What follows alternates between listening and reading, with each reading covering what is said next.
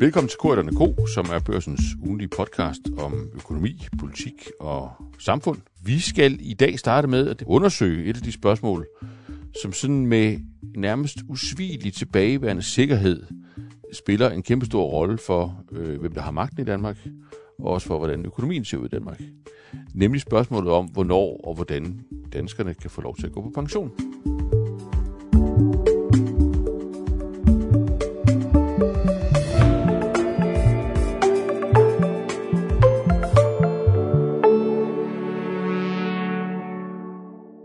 Hvis man tænker hurtigt tilbage, så kan man sige, altså mange vil stadigvæk kunne huske Nyops efterlønsindgreb. Mange vil kunne huske Fogh Rasmussens store velfærdsaftale. Øh, Arne-pensionen spillede en kæmpe rolle op til sidste valgkamp. Øh, og det er jo den politiske del af mønten. Og så er der jo også økonomer, øh, der efterhånden igennem mange år har fremhævet, at lige præcis det her med, hvor længe vi arbejder, det betyder vanvittigt meget for vores økonomi, og dermed også for, hvilken velfærd vi har råd til. Nu er vi det så igen, øh, for der er en pensionskommission, som har siddet og kigget de her ting meget, meget grundigt igennem over en, en længere periode. De er udkommet med deres øh, rapport i den her uge, og den skal vi prøve at forstå. Øh, vi skal både forstå, hvad det er, der anbefales, og hvorfor, hvad det eventuelt kunne betyde, men også, hvad det er for et politisk spil, øh, der så går i gang, efter at kommissionen er færdig med at tænke. Og til at hjælpe os med at forstå det, jamen der har vi fået besøg af vores cheføkonom Sten Bukan, og vores politiske kommentator Helib. Og det kunne ikke være bedre selskab, heller ikke til det øh, formål. Velkommen til jer. Tak. Ja, tak. Vi kan, vi kan jo starte med, øh, Helib, og, og sådan lige bede dig om at hjælpe os med at forstå, øh, hvorfor. Øh, altså det er den tidligere venstreminister Jørgen Nergård, beskæftigelsesminister Jørgen Nergård, øh, der har siddet spidsen for den her kommission og, og boret langt ned. Øh, hvad, hvad er egentlig baggrunden for, at det arbejde er blevet, blevet udført? Ja, vi skal jo nok skrue tiden tilbage til 2019, hvor øh, Socialdemokraterne lancerede deres udspil om, at mennesker, der havde været rigtig mange år på arbejdsmarkedet, øh, de skulle have ret til at trække sig lidt hurtigere tilbage i forhold til andre grupper. Det er også den øh, pensionsordning, vi i dag kender som Arne-pensionen. Det lancerede de i januar 2019, og så øh, var der en kæmpe diskussion af hele spørgsmålet om, er det egentlig også urimeligt at øh, forlange, at mennesker, der har været mange år på arbejdsmarkedet og måske har meget hårde, fysisk krævende job, skal blive så længe øh, som alle mulige andre i takt med, at den generelle levetid stiger. Yeah. Og i den forbindelse, der aftalte man så øh, i den borgerlige regering at lave en seniorpension som den ene ting, som man fik øh, de radikale og Dansk Folkeparti med på, det var sådan ligesom det blå modsvar til Socialdemokraternes Arne, Arne-model.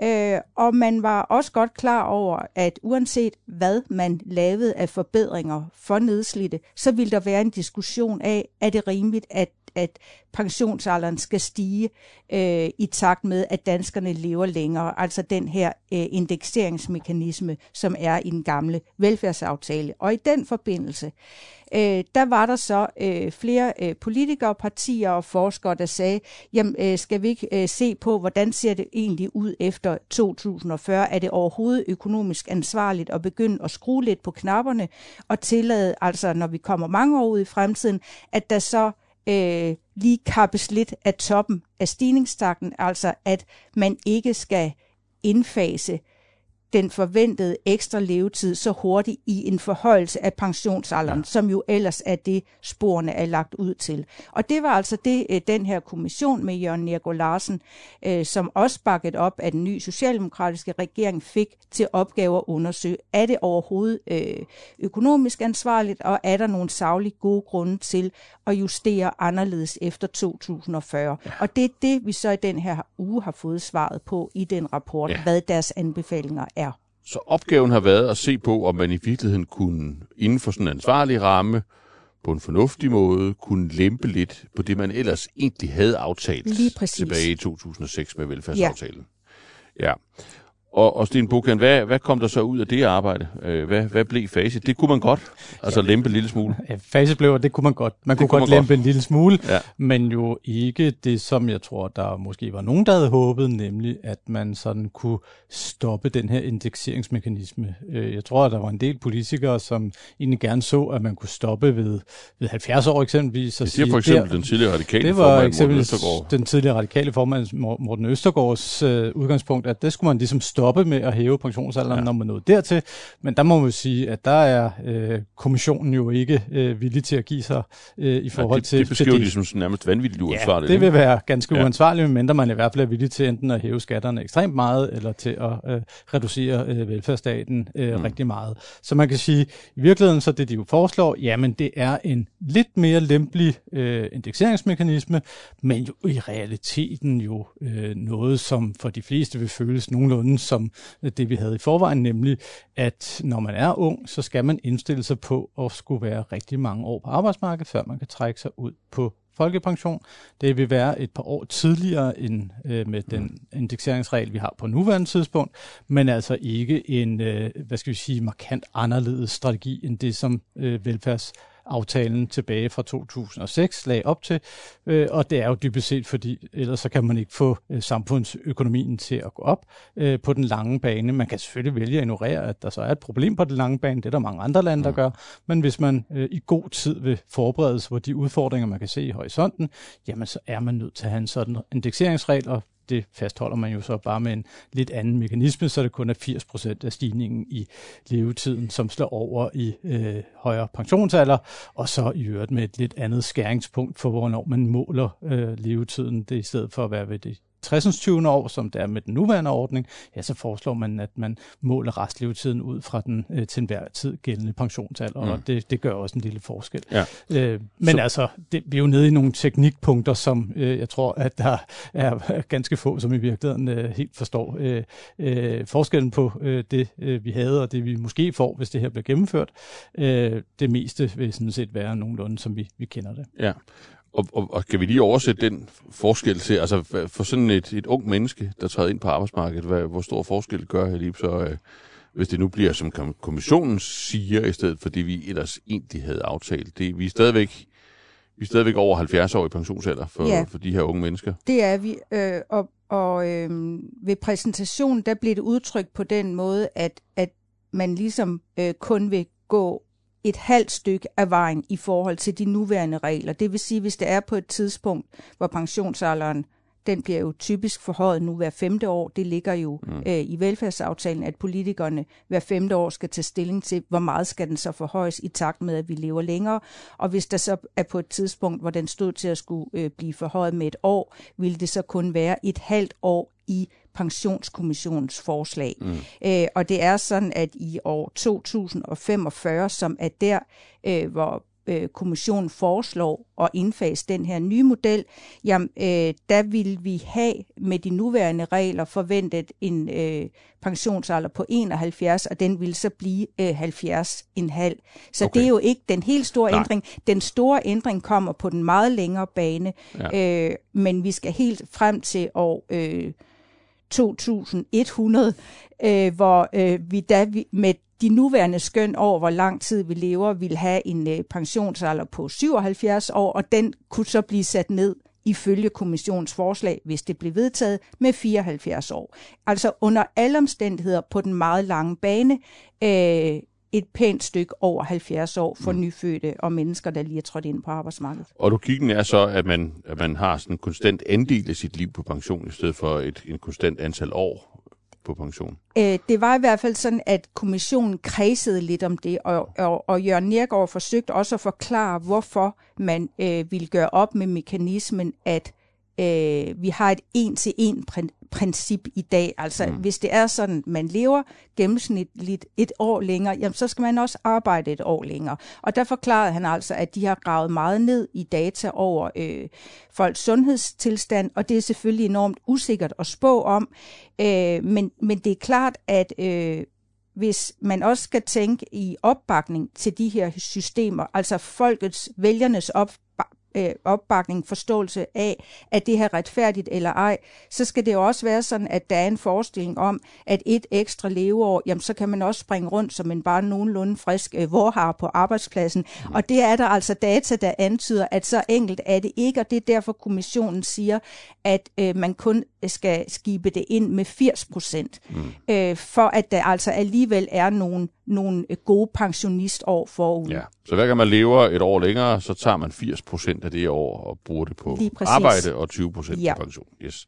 Sten Buken, der er jo så en økonomiside, en talside af det her, øh, og selvom du beskriver det som relativt teknisk, relativt begrænset, set fra sådan den enkelte borgers synspunkt, måske i virkeligheden næsten ubetydeligt. Hvad, hvad så over på pengesiden? Altså, det, altså der er vel, det er vel sådan, at jo senere vi går på pension, jo flere penge kommer der i statskassen, og, og, og jo tidligere øh, jo mindre, ikke? Jo, sådan er det, og derfor så vil det her også spise en meget stor del af den øh, såkaldte overholdbarhed, vi har på de offentlige finanser. Mm. Det er jo sådan, at i udgangspunktet med den mekanisme, vi havde for pensionsalder, i, øh, øh, som systemet er nu, jamen så, øh, når man sådan kigger tilpas langt frem i tid, så vil vi i virkeligheden have, øh, hvad skal vi sige, overskud på de offentlige finanser, som man kan sige, dem er der måske ingen grund til at planlægge efter. Øh, det vil der i hvert fald være nogen, der mener, så er der andre, der mener noget andet. Og den overholdbarhed, jamen den, den øh, bliver så næsten spist, og det er jo fordi, at øh, den her balance mellem, hvor mange år man er på arbejdsmarkedet, kontra hvor mange år man bliver forsørget, i hvert fald delvist af de offentlige kasser, det er meget afgørende for, mm. øh, hvordan de offentlige finanser øh, udvikler sig. Det her, det er, det er relativt dyrt. Det koster sådan i omegnen af, af 18 milliarder kroner om, om året på den, på den lange bane, og spiser dermed en meget stor del af den, den såkaldte finanspolitiske overholdbarhed.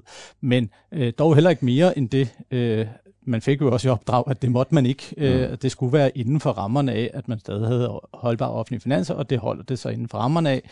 Og så på den måde kan man jo sige, så er det jo ikke noget, hvor man kan kaste uansvarligt stemplet på det, fordi det her det er øh, inden for rammerne af øh, en ansvarlig, øh, et, ansvarligt forslag, og så kan man så diskutere, om det er et fornuftigt forslag, og det kan der jo være mange holdninger til, mm. men, men, øh, men det er jo ikke sådan, at vi planlægger efter store øh, offentlige underskud på den lange bane med det her forslag lovforslag. Mm. Og netop ved, at det først træder i kraft efter 2045, jamen så slipper man ligesom for det bøvl, som vi har på den korte bane. For der har vi jo ret store udfordringer sådan de næste 20 års tid, eller lidt mere måske endda, med underskud på de offentlige finanser. Men der gør det her jo ikke nogen forskel, fordi der øh, kunne man ikke tillade sig at, øh, så at sige, øh, tære på nogle reserver, og, og det gør man så heller ikke, fordi ja. det er jo altså første forslag, der får effekt et godt stykke ud i tid. Så, så på den måde så, øh, så øh, ansvarligt, men, men jo altså også noget, som jo så gør, at der ikke rigtig er så skrækkeligt meget mere at, at tære på. Øh, altså den overholdbarhed, der var, øh, ja, den forsvinder så stort set,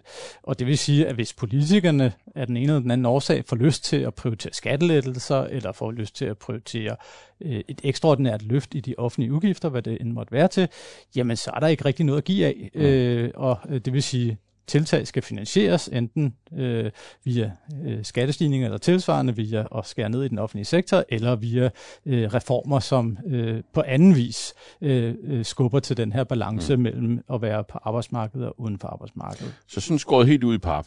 Øh, hvis man gør, som kommissionen skal sige, så får man, man får ikke nogen rabat på stigninger i pensionsalderen frem til 2045. Det er først bagefter, så alle os, der sådan... Alle os, der begynder der at være lidt grå i toppen, vi, vi, vi får ikke rigtig nogen glæde af det. det er så. den ene. Og går man længere, end kommissionen foreslår, jamen så, så ryger man over kanten, så bliver det så bliver den offentlige økonomi uholdbar på lang sigt. Så ja, er ikke mere sige, at give af. Og man gør man, som kommissionen siger, så har man også brugt de penge, der var til overs. Man kan sige, at de går sådan nogenlunde til grænsen af, hvad man mm. kan tillade sig inden for rammerne af ansvarlig økonomisk politik, men det var jo så også det, der stod i kommissoriet. Ja. Det var de ligesom blevet pålagt. Det havde ja. været lidt mærkeligt, om de ikke havde gjort det. Det var jo ikke sådan, at de blev pålagt at kigge på pensionssystemet sådan med, med friske øjne. De blev sådan set pålagt at bruge den overholdbarhed, der var. Mm. Øh, og det gør de så. Øh, og de bruger heller ikke mere end den, for det var det også pålagt ikke at gøre. Så okay. det, man kan sige, de, de går til grænsen, men ja, det havde også været mærkeligt andet.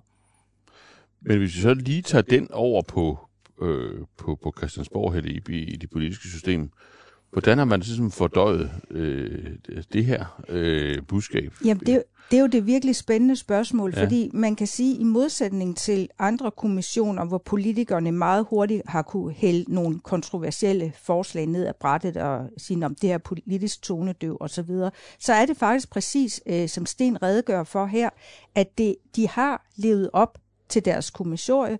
De har lavet en masse øh, fine beregninger og skøn, og også forklaret, at det er forbundet selvfølgelig med enorm usikkerhed at lave skøn øh, så lang tid ud i fremtiden, også om regningen ender på 18 milliarder eller, øh, eller et meget højere beløb, for eksempel hvis det viser sig, at de ældste borgere bliver meget, meget ældre og derfor øh, bliver meget tungere i øh, udgifter, behandlingskrævende osv., at så kan regnstykket øh, se anderledes mm. ud. Det kan blive forværret. Men grundlæggende har de levet op til det kommissorium, som et bredt politisk flertal øh, fra højre til venstre har, har, har, har øh, skitseret. Mm. Øh, og det vil sige, at de har levet op til øh, ønsket om at få en vurdering af det øh, ansvarligt, er det inden for en OK samfundsøkonomisk ramme, og er det også retfærdigt af forskellige årsager at ændre fra 2040? Det har de svaret på nu. Alligevel så synes jeg, man kan notere sig, at der er øh, en meget, meget stor varsomhed, især fra de toneangivende partier, med og så bare bide til her. Mm. Altså der er blevet svaret øh, på sms'er, i pressemeddelelser og meget spagfærdigt, jamen vi tager de her forslag ned, men der er ikke nogen, der for alvor af de partier, øh, der rigtig kommer til at betyde noget, har bidt til bolle og sagt, så er det sådan her, vi gør. Og det synes jeg er opsigtsvækkende, når hvor, vi ja, tænker... Hvor, hvorfor det? Altså... Jamen det er jo opsigtsvækkende, fordi når vi tænker på debatten tilbage i 19, så var der jo både i rød og blå blok og i fagbevægelsen faktisk et stort pres for, øh, at få gjort noget ved den her indeksering. Enten at man simpelthen sagde, nu trækker vi en grænse ved de 70 år, så skal øh, folkepensionsalderen aldrig stige mere. Det var et ønske, der kom fra venstrefløjen, fra dele af fagbevægelsen, øh, og sådan og set også fra, og fra Morten Østergaard og Dansk Folkeparti, som ja. jo også har været en nøglespiller i de her forhandlinger, og i øvrigt øh, central i mange af de forløb, der har været omkring øh, tilbagetrækning der var det også øh, et forslag eller et ønske at gå ud af den sti. Øh, det har kommissionen jo så ikke anbefalet, fordi det vil simpelthen være øh, for svimlende dyrt øh, 45 milliarder årligt, øh, som jo skal sammenlignes med deres eget forslag øh, på 18 milliarder. Mit gæt her nu er, at der kommer simpelthen ikke til at ske noget øh, okay. på den her side af et valg. Og jeg må også sige, at jeg er meget i tvivl om, selvom det kunne være fristende øh, Øh, for Socialdemokraterne, for den socialdemokratiske regering at sende nogle signaler i den retning, at så tror jeg heller ikke, man kommer til at gøre det i en valgkamp. Jeg tror simpelthen, der er en erkendelse af, at det er en form for vepseret, og stikker du først en kæp ind og begynder at rode rundt, jamen så kan regningen hurtigt blive meget større end de 18 milliarder. Dem, der skulle glæde sig og klappe i hænderne, vil måske tænke, jamen det her er først noget, der sker øh, om rigtig mange år, og samtidig øh, så kan man øh, risikere øh, at virkelig få hug for at være økonomisk uansvarlig, hvis man tillader sig mm. at disponere så langt ud i fremtiden. Øh, og der må man bare sige, alene de seneste to-tre år i politik har jo vist, at det er meget, meget svært at forudse, hvad der sker. Det er svært at forudse, øh, hvordan prioriteringerne egentlig skal være. Altså tag bare øh, forsvarsbudgetterne, Ruslands krig i Ukraine, den øh, nuværende øh, status øh, omkring inflation, hele coronaforløbet.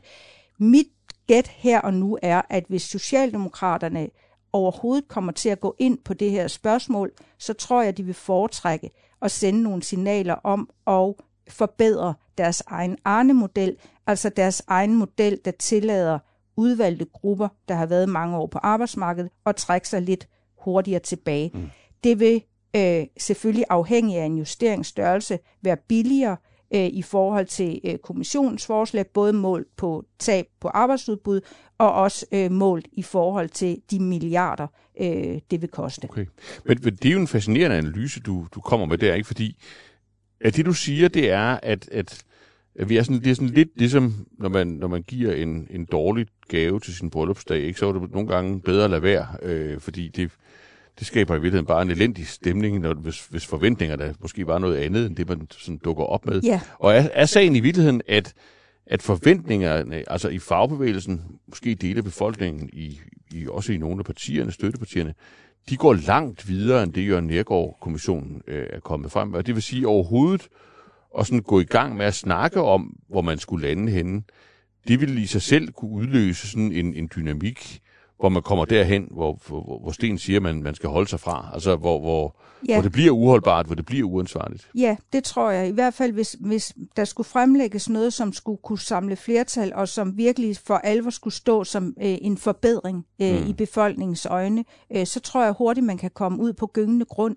Og der tror jeg faktisk, at øh, regeringen måske endda føler, at at der nu er en lille fordel med det, der er blevet spillet ud fra kommissionen i den forstand, at det jo først er fra 2045 øh, forslag om ændret indeksering skal begynde at indfases. Og det vil sige, at regeringen har sådan set, hvis den vælger det, som er mit gæt i øjeblikket, ønske om simpelthen at skubbe den her diskussion, så kan den sige, at det er så mange år ude i fremtiden, mm. og det ligger jo i et øvrigt, øh, hvad kommissionen også bekræfter i det nuværende velfærdsforlig, at det er hver femte år, der skal tages stilling, og at der skal være et varsel på 15 år. Altså man indfører jo ikke lige nye regler overnight eller næste måned. Og med et varsel på 15 år frem til 2045, der er der altså en pæn rum tid at løbe på, der gør, at jeg tror, at øh, socialdemokratiske ministre vil have lettere også i en valgkamp med simpelthen at skubbe det her okay. spørgsmål og sige, det er ikke aktuelt, men lad os øh, zoome ind på vores Arne-model i okay. stedet for. Men det er, jo, det er jo dynamisk, fordi altså, nu har det jo selvfølgelig været en ret teknisk udredning det her, men, men det fascinerende er jo, at, at på den ene side er det teknisk, og det er meget langsigtet, og det er jo ikke sikkert, at nogen af, af os tre får sådan den helt store glæde af, det ved man jo aldrig. Øh, men, men, men på den anden side er det jo politisk dynamit. Altså det har jo virkelig afgjort valgkampe, når man altså trak, om man så må sige, armene våbnet, eller, eller skød sig selv i efterlønsfoden. Øh, så, så hvis, hvis Helle Ibs vurdering er rigtig, Sten Buchan, nemlig at det at de får lov at ligge, så vil jeg gætte på, at du vil sige, at det kan måske være fornuftigt nok, øh, fordi så gør man da ikke nødvendigvis mere skade, og man kan jo altid tage stilling til tiden efter 2045. Men hvis det er korrekt, at man i virkeligheden, i stedet for skruer på Arne-knappen, hvordan ser det så ud fra et økonomisk øh, synspunkt? Jamen, det ser jo ikke nødvendigvis øh, dårligt ud for et mm. økonomisk synspunkt, for det, det er jo en noget mere målrettet ordning, men, men man kan vel sige, fra et politisk synspunkt, så er det jo lidt det samme som, skal man, når man vi snakker jo meget om i øjeblikket en høj inflation, mm. skal vi kompensere via en smule skattelettelse til alle, Mm. Eller skal vi give til nogle målgrupper, som vi gerne vil pinpointe sådan mere præcist? Og der kan der jo være en politisk øh, dynamik i at udpege de målgrupper, man gerne vil begunstige særligt. Mm. Øh, og det har man jo mulighed for, hvis man i stedet for at give det til alle, altså så at sige øh, både rig som fattig, øh, udpeger, at vi har nogle særlige grupper, som vi synes er særlig herlige, jamen så kan man jo så at sige godt af den vej øh, tillade sig at gøre så meget desto mere, øh, mm. fordi øh, så er det ikke så mange, der øh, så at sige får gavn af det, og så vil det jo kunne mærkes meget mere for den enkelte. Øh, om man på den måde kan så at sige øh, købe sig til, til vælger, det, det, det skal jeg ikke kunne sige. Øh, men, men det er jo i hvert fald det, som, som man kan sige er styrken ved sådan nogle modeller som Arne-modellen og andre, hvor det bliver sådan meget målrettet ned mod nogle specifikke grupper, øh, fordi så får man altså bare mange flere penge at rute med, end hvis man skal gøre noget, der gælder alle. Øh, mm. Fordi så får du altså også nogle opfattet, som øh, måske ikke nødvendigvis har den store glæde af, af, at øh, øh, pensionsalderen bliver rykket med et halvt eller et helt eller to år. Øh, og, men det koster jo statskassen øh, alligevel det samme. Mm. Øh, så, så på den måde, så, øh, så kan det jo rent politisk måske godt være en, en god investering, men, men man kan selvfølgelig altid diskutere, om det er rimeligt, øh, fordi øh, man kan jo sige, det der jo kan være faren ved den slags modeller, jamen det er jo, at man så be, belønner i virkeligheden folk, som eksempelvis ikke har taget en uddannelse. Mm. Øhm, det vil vi jo måske gerne som samfund rent faktisk gøre det modsatte, nemlig belønne dem, og dermed få dem til at tage en uddannelse, fordi det gør, at vores fælles økonomi bliver bedre øh, på alle punkter, øh, øh, eller på anden måde øh, sådan stiller hindringer op i forhold til, eller begunstiger øh, bestemte grupper, som man måske i virkeligheden ikke skal begunstige. Men, men det du siger, altså er det grundlæggende, hvis nu man forestiller sig, vi ved det jo ikke, vi kan lige spørge Helib, hvad hun, hvad hun tænker, men hvis nu man stiller det sådan lidt skarpt op, så kan man sige, at det der den der speeder i den politiske øh, maskine, som hedder pension, som jo i hvert fald var, var rigtig medvirkende til at sikre et, et rødt flertal sidste gang, Hvis nu forestiller sig, at den, den træder man helt rituelt på forud for, for folketingsvalg i Danmark, så, så giver man et nyk mere på, på Arne-speederen. Øh, og det er ikke nødvendigvis isoleret set nogen økonomisk katastrofe, fordi hvis det er en, en mindre gruppe, øh, så er det sådan til at overskue øh, omkostningerne. Får man så over tid sådan en, en skævvridning af pensionssystemet, hvor, øh, hvor man i virkeligheden, altså, hvor det der med at gå meget, meget, meget sent på pension og senere og senere på pension, jamen det gælder, det gælder for en gruppe, måske den brede gruppe, øh, og så er der i virkeligheden, kan der i virkeligheden over tid udvikle sig nogle, nogle fordele ved, for eksempel ikke har taget en længere uddannelse, eller ikke har tjent Det, det er jo i hvert fald det, der er risikoen set fra et øh, økonomisk perspektiv på den meget lange bane, men, mm. men det, kan jo meget, det bliver jo meget hurtigt meget ugennemskueligt for den enkelte, hvad der mm. egentlig er godt og skidt at vælge ja. i livet, fordi at det er jo nogle meget langsigtede beslutninger, og hvem mm. ved, hvad politikerne kan finde på på en 50 års sigt, når man engang vælger sin uddannelse, så er der jo typisk ret langt til, at man skal, man skal på pension, så, så på den led, så, øh, så er det jo nogle valg med, med, med nogle store øh, usikkerheder, men, men ja, det kan jo være en af bivirkningerne ved at gøre det på, på den her måde. Er det sandsynligt, Helib, at, at det er sådan, det egentlig hænger sammen? At den der Arne-speeder, den er blevet sådan en, det er blevet sådan, kommer til at blive et fast indslag, når man skal vinde et valg som socialdemokratisk statsminister? Jeg ved selvfølgelig ikke, om det er det, øh, regeringen kommer til at gøre øh, i en valgkamp eller frem til næste folketingsvalg. Og det er også svært at forudse, hvad der sker i, i næste valgperiode. Men jeg er i hvert fald meget sikker på, at hvis regeringen skal vælge mellem at lave en ændret generel indeksering og så forbedre Arne-modellen. Hvis det er det valg, den føler, den står i, så vil den vælge det sidste. Mm.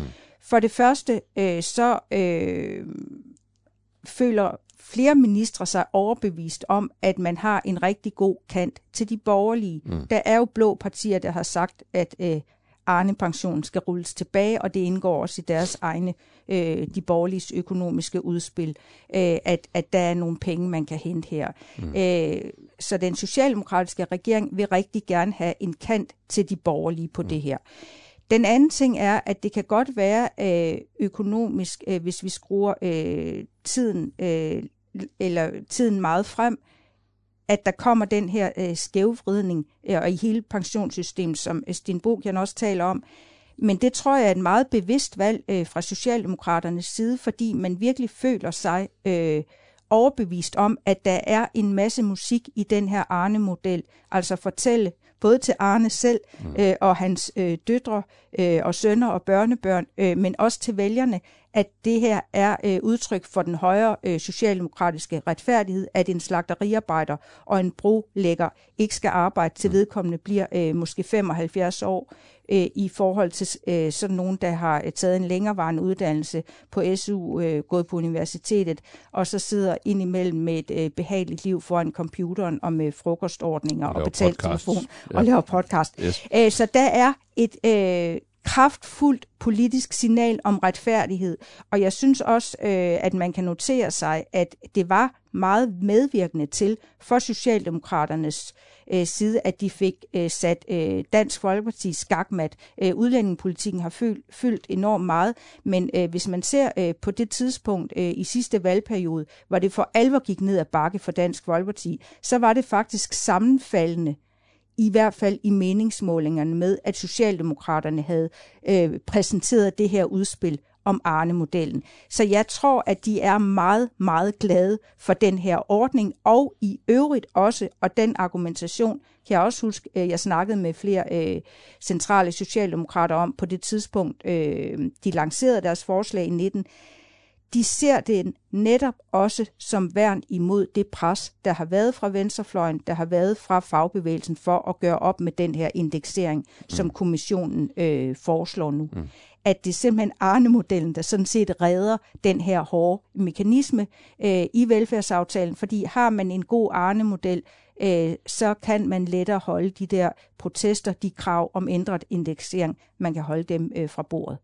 Sidste spørgsmål til dig. Øh, er det, bestemmer de selv tempoet, eller er presset fra fagbevægelsen, fra støttepartierne, øh, måske et tak for sidst for Dansk Folkeparti? Altså, Jamen, jeg synes hvor, faktisk... Hvor tungt er presset for at komme ned ad den sti en gang til? Jeg, jeg har egentlig en fornemmelse, og det kan selvfølgelig ændre sig over de kommende uger, men jeg synes egentlig, de forløbige meldinger, der er kommet, tyder på, at presset er taget en lille smule af. Mm. Det er ikke som om, at der er så mange, der står øh, med at insistere på, at nu skal øh, det stoppe ved de 70 år, øh, mm. det her øh, overgreb øh, på den arbejdende befolkning. Der er fra SF øh, også en åbning for, at øh, måske kan man godt gå med til øh, stigende pensionsalder, hvis der så kommer en forbedring af Arne-modellen, og man laver de ting, der jo altid laves i relation til diskussioner om de her aftaler, arbejdsmiljø, øh, forbedringer, omskoling, øh, ditten og datten, alt der gør, at det også bliver muligt at arbejde meget længere. Øh, så jeg tror, at, at vi vil se en diskussion, der også kommer over i nogle lidt andre øh, afkrog, og at presset måske faktisk tager lidt af i forhold til, øh, hvordan det var øh, for nogle år siden. Tusind tak for, for den vurdering, øh, Helle Ip, og til Sten Buchen for også at give os en, en vurdering af tallene øh, og økonomien øh, i forlængelse af alt det her. Det bliver spændende at følge, både ind mod en valgkamp og bagefter. Selv tak.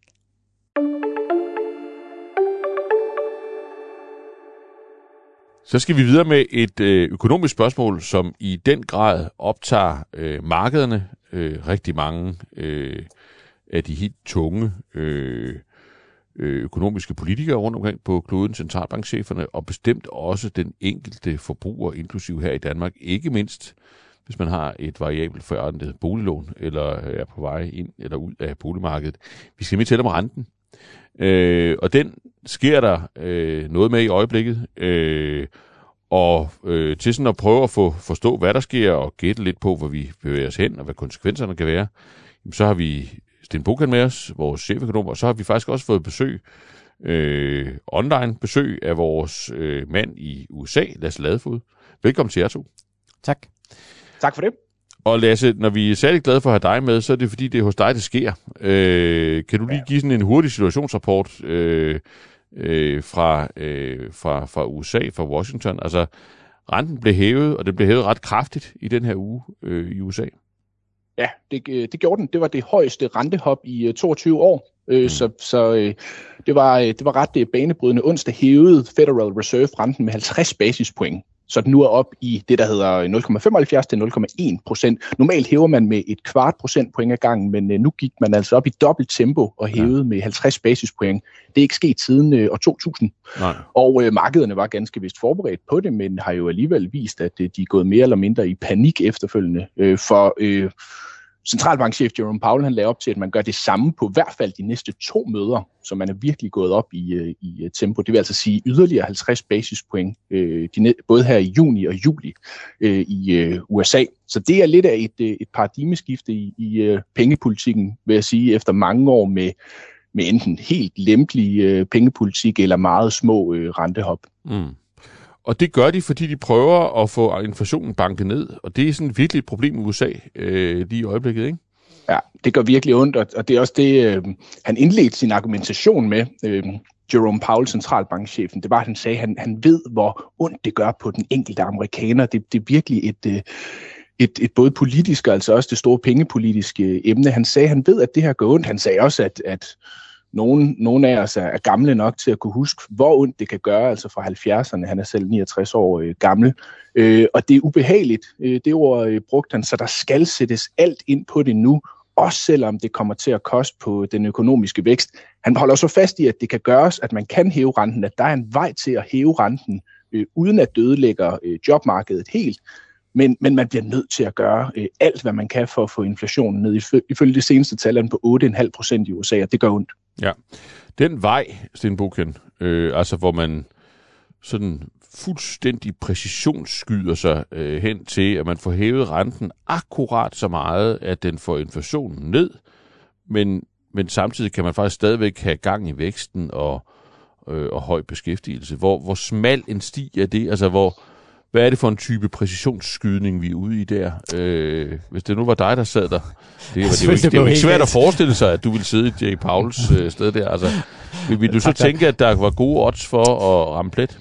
Ej, nu ligger du næsten op til det spørgsmål formulering, at nej, det er der jo nok ikke. Nej, nej, det, det, du er en mand med selvtillid, så det, du sagtens skulle svare ja. Det er klart, at øh, havde jeg været der, så havde ja, det været ja, noget andet. Ja. Men når det ikke er mig, ja. så vil jeg sige nej. Der er nok en ret stor sandsynlighed for, at man enten får gjort for lidt eller for meget. Mm. Og øh, man kan jo sige, at inflationen jo er nu så høj, at det er øh, svært at gøre øh, hvad skal vi sige, man kan ikke nøjes med sådan små præcisionsindgreb, som man måske ja. kunne have gjort, hvis vi havde talt en inflation på en 4-5 procent. Vi er jo altså oppe i, i noget, der snart nærmer sig øh, tocifrede inflationsrater, og en økonomi, som øh, har en masse interne spændinger. Vi har et arbejdsmarked, som øh, er karakteriseret ved, ved meget stramt, men, men vi har jo også nogle, øh, sådan et, et, et finansielt system, som er sådan en lille smule sårbart i øjeblikket, så, så man kan sige, øh, det her det kan meget vel gå galt, og derfor er der jo altså også en udtalt bekymring i de finansielle markeder for, at vi er på, ser ind i en recession i USA, mm på en sådan tidshorisont for et til to år. Øh,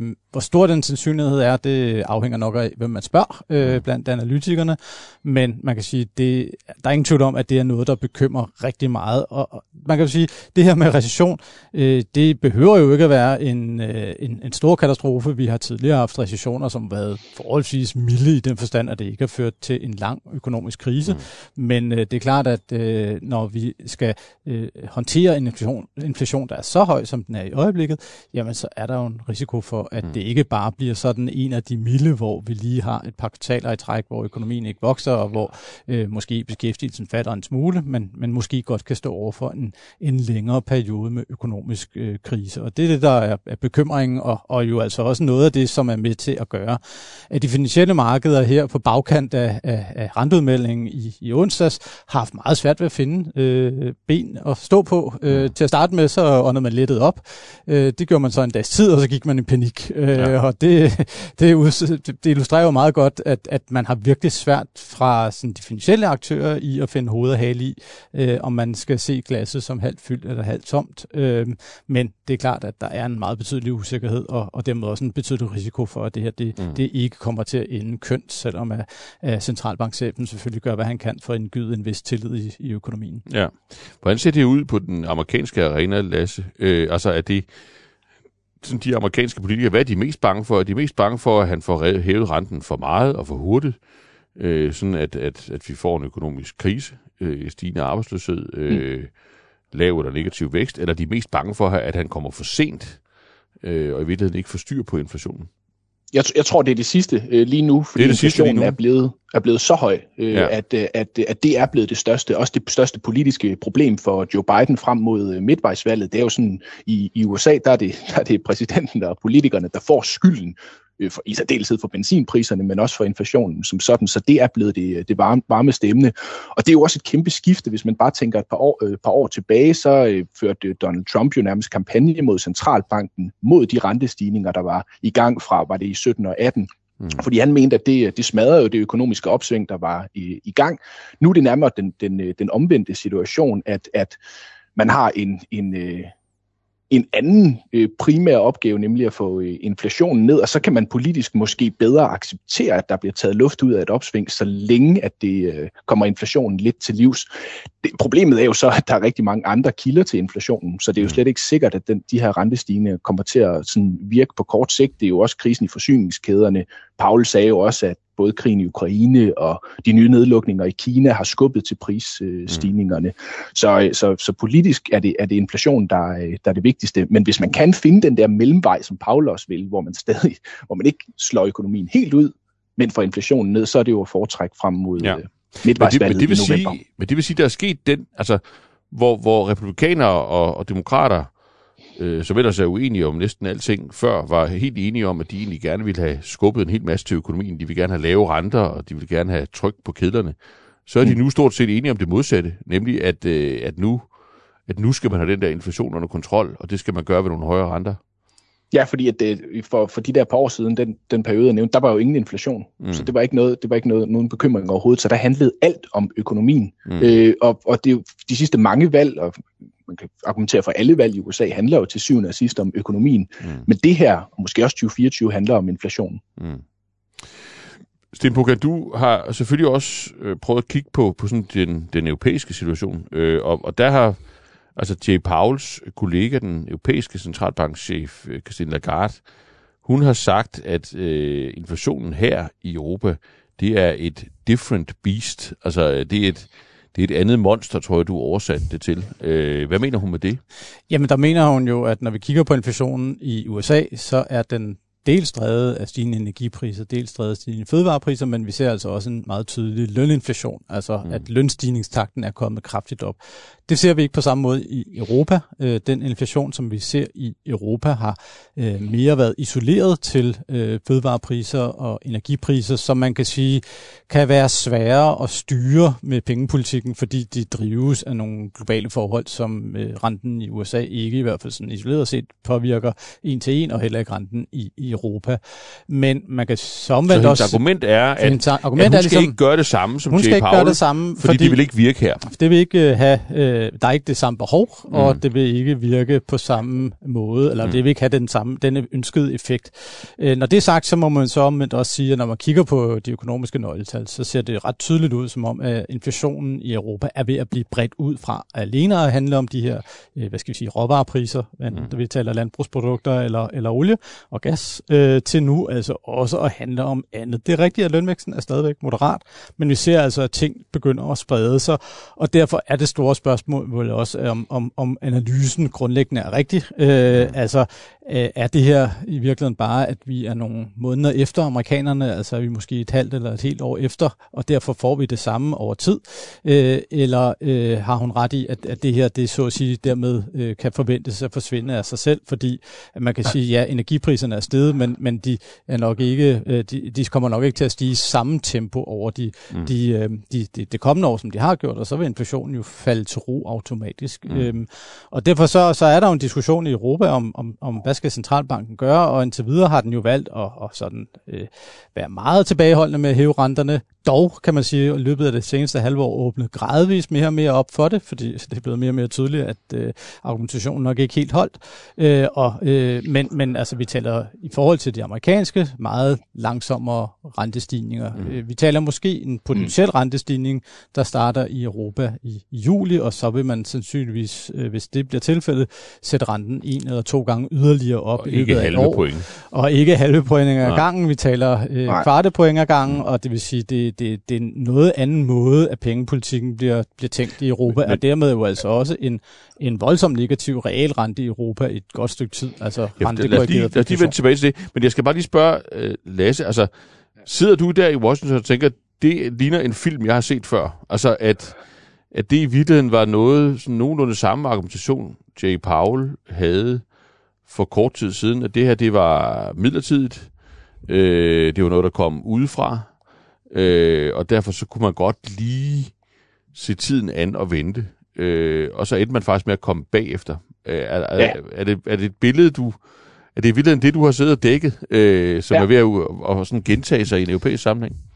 Det, det, ja, det er det. Det ligner til forveksling øh, hinanden, og det er vel også lidt øh, besynderligt, at man ikke i højere grad fra ECB's side har lært af det, der er sket i, øh, i USA. Det kan godt være, at det er en anden argumentation. Øh, han, han brugte ordet midlertidigt, transitory osv. Det er en anden argumentation, Lagarde bruger, men at man ikke har lært af den fejl, øh, ifølge i mange øjne, som øh, Federal Reserve begik ved at vente for længe. Jeg vil også sige, de sidder altså lidt, nogle af de økonomer og strateger, jeg taler med, de sidder altså, øh, du skal prøve at være ordentlig, men jeg griner altså lidt af over i, øh, i Europa og tænker sådan, hold op, nu er de altså håbløst bagefter i, øh, igen. Øh, okay. at, at, at man med en inflation af 7,5 procent i, i eurozonen nu, det ligner altså den, der er i, i, i, i USA, stadig har negative renter. En, gang, en ting er, at altså, i, i mange år har de, har de grint lidt af, af negativ, man går underholde til sådan en cocktailparty med sin negative realkreditrente i Danmark, og i det hele taget, at man, at man, at man har haft negative Det kan jeg godt se for mig, at du står og underholder med det. ja. der, der, der er store grin øh, på, på, på Wall Street. Det, har man, det, det, var jo, det var jo så, en ting, at det har været sådan i mange år, men at, det stadig, at man stadig har det nu, det virker, altså det, det er nærmest, hvis vi i Danmark taler om svensker historie, så er det blevet sådan en europæer historie, at man tror, at man stadig gør nogen en tjeneste ved at have negativ rente i det her miljø. Mm. Og, det er vel, og det er jo så et udtryk for, at man skal tage hensyn til forskellige øh, de forskellige europæiske eurolande er i forskellige steder i den økonomiske cyklus, hvor man her i USA, der er ved Gud også stater, der, der klarer sig forskelligt, men der, der kører man altså med én pengepolitik og, og én retning. Mm. Så, så det, det, de, de kigger først griner de lidt, men så også lidt bekymret, fordi at hvis det går galt i Europa ved at komme så meget for sent, som det måske ser ud til nu, at det er i juli, man nu snakker om at hæve renten, jamen så vil det også ramme USA. Og så, mm. og så kan den, den, de tæsk, man lige nu tager i USA på markederne, måske også på økonomien, ved at hæve renten så, øh, så hurtigt, jamen, jamen det, kan være, det kan jo være en, øh, en stakket frisk, frist, hvis Europa kommer om et halvt år og, og bliver ramt endnu hårdere, fordi man er kommet for sent. Mm.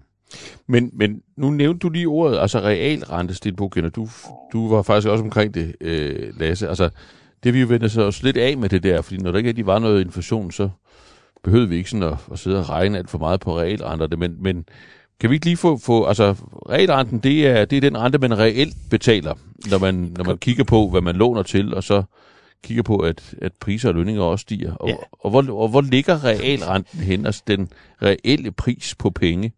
Jamen, den ligger jo ekstremt lavt. Øh, så kan man diskutere, hvilken regelrente man lige fokuserer på. Hvis vi kigger på USA, så er sådan øh, centralbankrenten jo øh, stadigvæk markant under den øh, nuværende inflation, og det vil sige umiddelbart jo en meget negativ regelrente. Men hvis man låner penge eksempelvis 10 år, eller investerer penge i 10 år, øh, så er den 10-årige regelrente nu lige krøbet op i et plus øh, i USA. I, USA. Ja. I, I Europa, øh, jamen, så er det slet ikke tilfældet, for der er inflationsforventningerne slet ikke lige så høje, som de er i USA, og det vil sige, øh, så er den øh, hvad skal vi sige, øh, negative regelrente øh, stadigvæk øh, gældende mm. i mange lande, ikke alle. Øh, men man, man kan helt grundlæggende set sige, at, at øh, det der er udfordringen her, det er jo, at man så høj inflation, som der er, som jo også spreder sig mere og mere til, øh, til forventningerne til, hvad den kommer til at være, jamen øh, så bliver pengepolitikken lempelig, selvom renten bliver sat op. Og derfor skal man gå ja, i større Lad os lige forklare det langsomt. Så i Europa, hvor selv hvis Europa satte renten en lille smule op, ja, så vil du stadigvæk så hvis inflationen er høj, så vil det stadigvæk være fornuftigt at låne penge. Fordi, ja, fordi det bliver spist af inflation, ja. øh, det, den, den gæld, du så at sige har. Og, og dermed er pengepolitikken ekspansiv. Den ja. skubber til mere mere gang i økonomien, ja. endnu mere inflation. Præcis, ikke? Ja. Og, og det vil sige, øh, man skal gå, når, når inflationen stiger så meget, som den har gjort det seneste øh, halve år jo især, mm-hmm. øh, jamen så skal man altså øh, tilpasse renterne så meget, desto mere for at få pengene til at passe, hvad angår øh, pengepolitikens stramhedsgrad. Og derfor kan man sige, at, at øh, der er jo også mange, der mener, at de 50 basispunkter i, i USA, som jo blev øh, annonceret her øh, forleden, at det var for lidt. Øh, at man skulle måske have taget 75 basispunkter, eller en helt procentpoint, simpelthen for at, at, så at sige, korrigere for den inflationsstigning, der allerede har været, og de to i, i Europa, øh, simpelthen fordi, at, at øh, inflationen er steget ekstremt meget på meget kort tid, og renterne altså stadigvæk ligger fuldstændig uændret i Europa, når vi taler centralbankrenterne.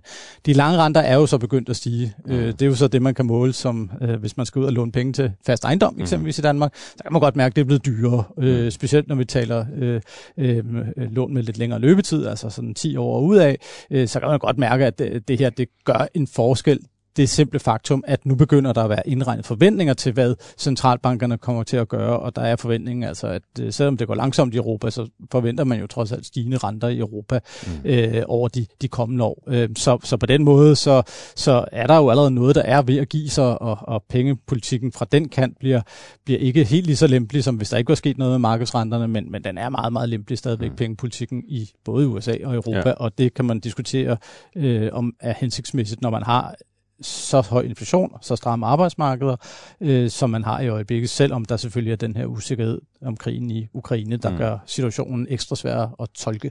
Men, men det, det er så spillepladen, men, men Lasse, hvis man så kigger til USA, der så alligevel har mm. trukket revolveren først, og, og altså, hvad, hvad er sådan, hvad er, er, er Wall Street konsensus på, hvor højt den skal op? Den her rente for J. Powell, før at han begynder at få fat i inflationen og få den banket ned. Det er vel 1000 kroner spørgsmålet, eller 1000 dollar spørgsmålet i, i, i Washington ja. lige nu. Ja, men, men man regner med i første omgang til det, der i godsøjne øh, er neutral, altså omkring 3 procent. Og igen, det det, så spørgsmålet om det er neutralt, hvis inflationen bliver ved med at være så høj, men, men det er det, man ligesom sigter efter.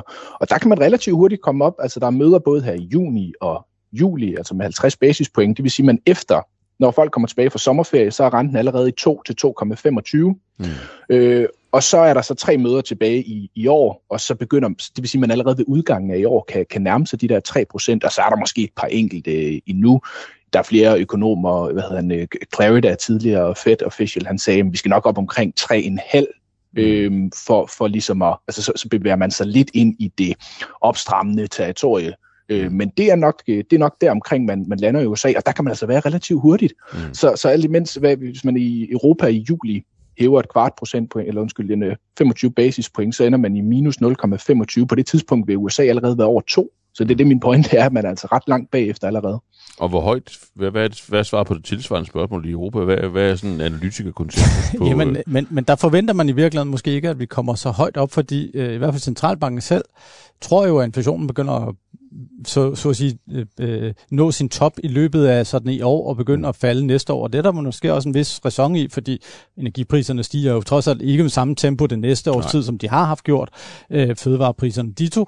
Øh, men, men så det er jo ikke nødvendigvis sådan, at vi står over for særlig høje renter i, i Europa, men det er dog et, et meget markant retningsskift. Og spørgsmålet er selvfølgelig også, om, om markedet generelt undervurderer det, eller om analytikerne generelt undervurderer det, eller centralbanken generelt undervurderer det.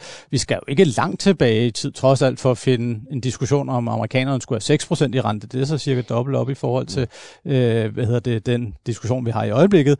Øh, det var i tiden op til finanskrisen. De nåede aldrig helt op. De nåede at slå økonomien ihjel. Øh, mm. fik en finanskrise i stedet for. Mm. Og det er jo det, der er risikoen. Balancegangen i det her er, kan man det her, altså kan man sætte renten nok op til at tøjle inflationen, uden at få slået økonomien halvt fordærvet? Og det, det, det, det er jo det er jo virkelig svært. Mm. Øhm, og også svært at give svaret på, om, om det kan lade sig gøre, fordi mm. det er der ingen af os, der ved. Fordi det her, det er en, det er en situation, vi ikke har befundet os i, i, i, i rigtig mange årtier med så høj inflation. Altså, vi havde da også inflation der i tiden op til, til, til finanskrisen, men jo slet ikke noget, der ligner det, vi, mm. vi kigger ind i i øjeblikket.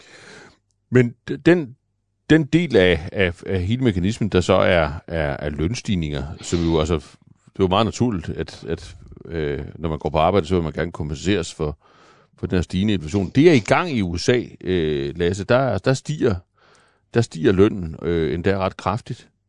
Ja, det gør den. Ja. Det, det er noget, man har ventet på i mange år, at der skulle komme gang i det. Det er der virkelig kommet nu. Øh, jeg mener, det er det en, en 5-6 øh, procent, øh, vi ligger på, og det er også spredt sig øh, til, til mange sektorer. Det er jo klart, øh, der, der, der er visse de, de, de steder, der virkelig kæmper om den helt højt uddannede arbejdskraft, for eksempel øh, i, New, i New York her, hvor, hvor fin, i finanssektoren, der var man ude i første kvartal og tale om 30-40 procents lønstigninger, men det har også spredt sig i, til, til øh, den, den, øh, den mere blue-collar del af økonomien, hvor der også er, er, øh, har været stigninger på 5-10 procent til, til lagerarbejdere, og når man kører rundt herover, så, så, så, øh, så, så reklameres der ved byggemarkeder og supermarkeder og forskellige andre steder med, med, med løn på 18 eller 20 dollar i, øh, i timen. Øh, og det er, det er et markant hop i forhold til, til for nogle år siden. Så der er kommet øh, løninflation, men det er så også det, der giver investorerne bekymring, fordi det er jo noget, der kan udhule øh, virksomhedernes indtjening. Så det har en, været en, en kraftig medvirkende effekt til nervositeten på aktiemarkedet også. Så man kan ikke få det hele jo. Mm.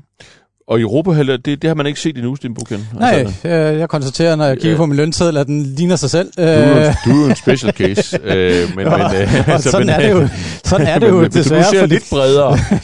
sådan er det desværre for de fleste europæere. Ja. Øh, eller øh, heldigvis afhængig af, hvordan man øh, ser den slags. Men i hvert fald kan man sige, at der er ingen tvivl om, at øh, i Europa, så sker der ikke ret meget med, med, med lønvæksten på nuværende tidspunkt, de tal, vi har. Mm. Man skal så også hele tiden være opmærksom på, at løntal i specielt i Europa er nogen, der kommer med ret stor forsinkelse, mm. øh, sådan rent statistikmæssigt, og så har vi jo øh, langt mere et, øh, hvad skal vi sige, reguleret arbejdsmarked, det vil sige langt øh, større betydning af fagforeninger og centrale overenskomstforhandlinger, og de forhandles jo ikke hvert år eller hver dag, øh, hvad lønnen skal være i, i øh, så at sige, de enkelte lande. Øh, der kan man sige, der er USA jo meget mere dynamisk, og derved er reaktionen på lønvæksten meget hurtigere, når der kommer inflation. I Europa, så kan den så til gengæld komme, øh, så at sige, og, og lige pludselig komme væltende, når måske endda inflationen er på, på vej mm. ned igen. Øh, og derfor så kan vi slet ikke afvise, at der kan være noget lønvækst på vej, men vi kan altså ikke se det på, mm. på nuværende tidspunkt i, i tallene. Det ser ud, som det plejer. Mm. Øh, en, en sådan relativt moderat inflation, som ikke øh, giver sådan større inflationsbekymringer på den, på den længere bane, men, men det kan altså meget vel komme til at ændre sig, fordi det vil være mærkeligt andet, at med et stramt arbejdsmarked i Europa, laveste ledighed i den tid, der har været en euro, og en øh, inflation, der er så høj som tilfældet er, de 7,5 procent, så skulle det være mærkeligt, om der ikke var nogen, der begyndte at tænke, så skal der også have okay. en eller anden form for inflationskompensation. Hvis ikke jeg det sted skal have en øh, realløns fremgang, så skal jeg da i hvert fald ikke have et så stort realløns øh, tilbageslag, som øh, der vil være, være tilfældet, hvis min løn ikke begynder at stige. Mm. Og derfor så må man forvente, at, at øh, løninflation, altså lønnen også begynder at stige. Mm. Hvis nu vi efter den her tour de force fra jer to, de slutter med at tage, øh, tage det helt ned på jorden, øh, og, og sådan udfordrer jeg lidt fra sådan et helt almindeligt dansk privatøkonomisk perspektiv, så ved jeg jo godt, at I ikke har lyst til at gætte, øh, men, men jeg hører jer sige, at man kan næsten stille uret efter, at renterne de vil komme til at stige mere, end de har gjort i dag. Og det er både i Europa øh, og USA. Øh, ja. Men altså hvis vi sådan kigger på kalenderen, hvor, hvor, altså, hvor længe vil I umiddelbart gætte på, øh, at det er tilfældet? Og hvad venter der bagefter? Skal de så ned igen? Ja, altså, det er jo et rigtig, rigtig godt spørgsmål. Ja, Skal det jeg synes prøve, jeg jo også selv. Prøve, prøve, prøve, prøve at starte? Går du først? Øhm, jamen, jeg tror måske i virkeligheden, at det, der kommer til at ske, det er, at amerikanerne for at få få, få styr på det her, bliver nødt mm. til at, øh, så at sige, sende økonomien ud i en eller anden form for krise. Simpelthen mm. for at få presset på økonomien ned. Øhm, og det vil sige, på den korte bane, øh, et godt stykke op på renterne, måske 4% kunne jeg sagtens forestille mig, øh, når vi kigger ind i, i, i 2023. Øh, men så også, øh, når vi kigger lidt længere ud i tid, ja, så hvis der kommer den krise, som man kan være bekymret for, ja, så vil centralbanken jo reagere ved at sætte renterne ned igen. Mm. Og så er spørgsmålet, hvad når Europa så at lave i den periode? Ja. Øh, fordi øh, selvom Europa jo selv synes, vi er ufatteligt vigtige, øh, så må vi jo sige, at den globale økonomiske takstok svinges af amerikanerne. Og det vil sige, at vi kan jo sådan set nok godt nå at komme i en situation, hvor vi egentlig ikke når at sætte renten ret meget op, før at økonomien er slået ud af kurs, fordi amerikanerne har trådt i spinaten. Øhm, og derfor så, så hvor langt vi kommer op i Europa, der er, der er lidt mere usikker, fordi jeg tror simpelthen, vi kommer til at gå så langsomt, Øhm, øh, at, at øh, vi ikke nødvendigvis kommer så langt op på centralbankrenterne. Øh, men, men det må tiden lidt vise, om, mm. om jeg får ret i det. Øh, øh, hvis ikke amerikansk økonomi slås ud af kurs, så skal jo europæiske renter et godt stykke op. Øh, okay. øh, fordi så skal vi selv håndtere den her inflation, det her inflationspres, og det, det er der jo kun en vej at gøre på, sådan ud over det her med forsyningskæder og andet, der måske løser sig selv, men så er det via øh, centralbank øh, højere renter, og, og så skal vi jo ikke tale negative renter, vi kan heller ikke tale 0 renter, vi skal heller ikke tale 1% rente, vi skal heller ikke nødvendigvis tale 2, så skal vi jo op i noget, der ligner noget mere normalt end i hvert fald sådan omkring 3% penge på, på, på renten i Europa, og der er vi jo i hvert fald meget langt fra lige nu. Ja. Så det, ja, det var meget frisk. Altså, kan, Lasse, kan du, jeg tror, kan man kommer du, til at rykke hurtigt i, ja, i USA. Ja. Øhm, og, og, og det kan godt være, at det er helt op mod 4%. Nu er man ligesom i gang. Altså nu mm. er the cat out of the bag. Man er i gang med at hæve renterne. Øh, investorerne er ved at rekalibrere hele deres øh, portefølje efter det her. De, de jo føler sig meget, meget sikre på, at de, de ved nogenlunde, hvad der kommer til at ske. Men, men man er i gang 50 basispoint øh, af gangen, og det kan da også godt være, at man kører med tre yderligere øh, dobbelte øh, rentehop, så jeg tror, Sten har ret i, nu, øh, nu, vil man, nu vil man have den op. Dels for at tøjle inflationen, men netop også for at kunne have noget at sætte ned, hvis øh, der kommer en øh, recession. Mm. Det er måske også, som du også selv siger, Sten, et, et problem i Europa, at det, det har man ikke, medmindre man vil ned i minus, minus 1 procent, eller hvad det nu kan blive. Se, så har man lidt at planlægge efter, hvis man stoler på øh, Lasse Ladefod og, og Sten Boken. Øh, tusind tak for, for jeres bidrag til at kaste lys over det her sådan helt centrale øh, drama i den globale økonomiske politik. Velkommen. Velkommen.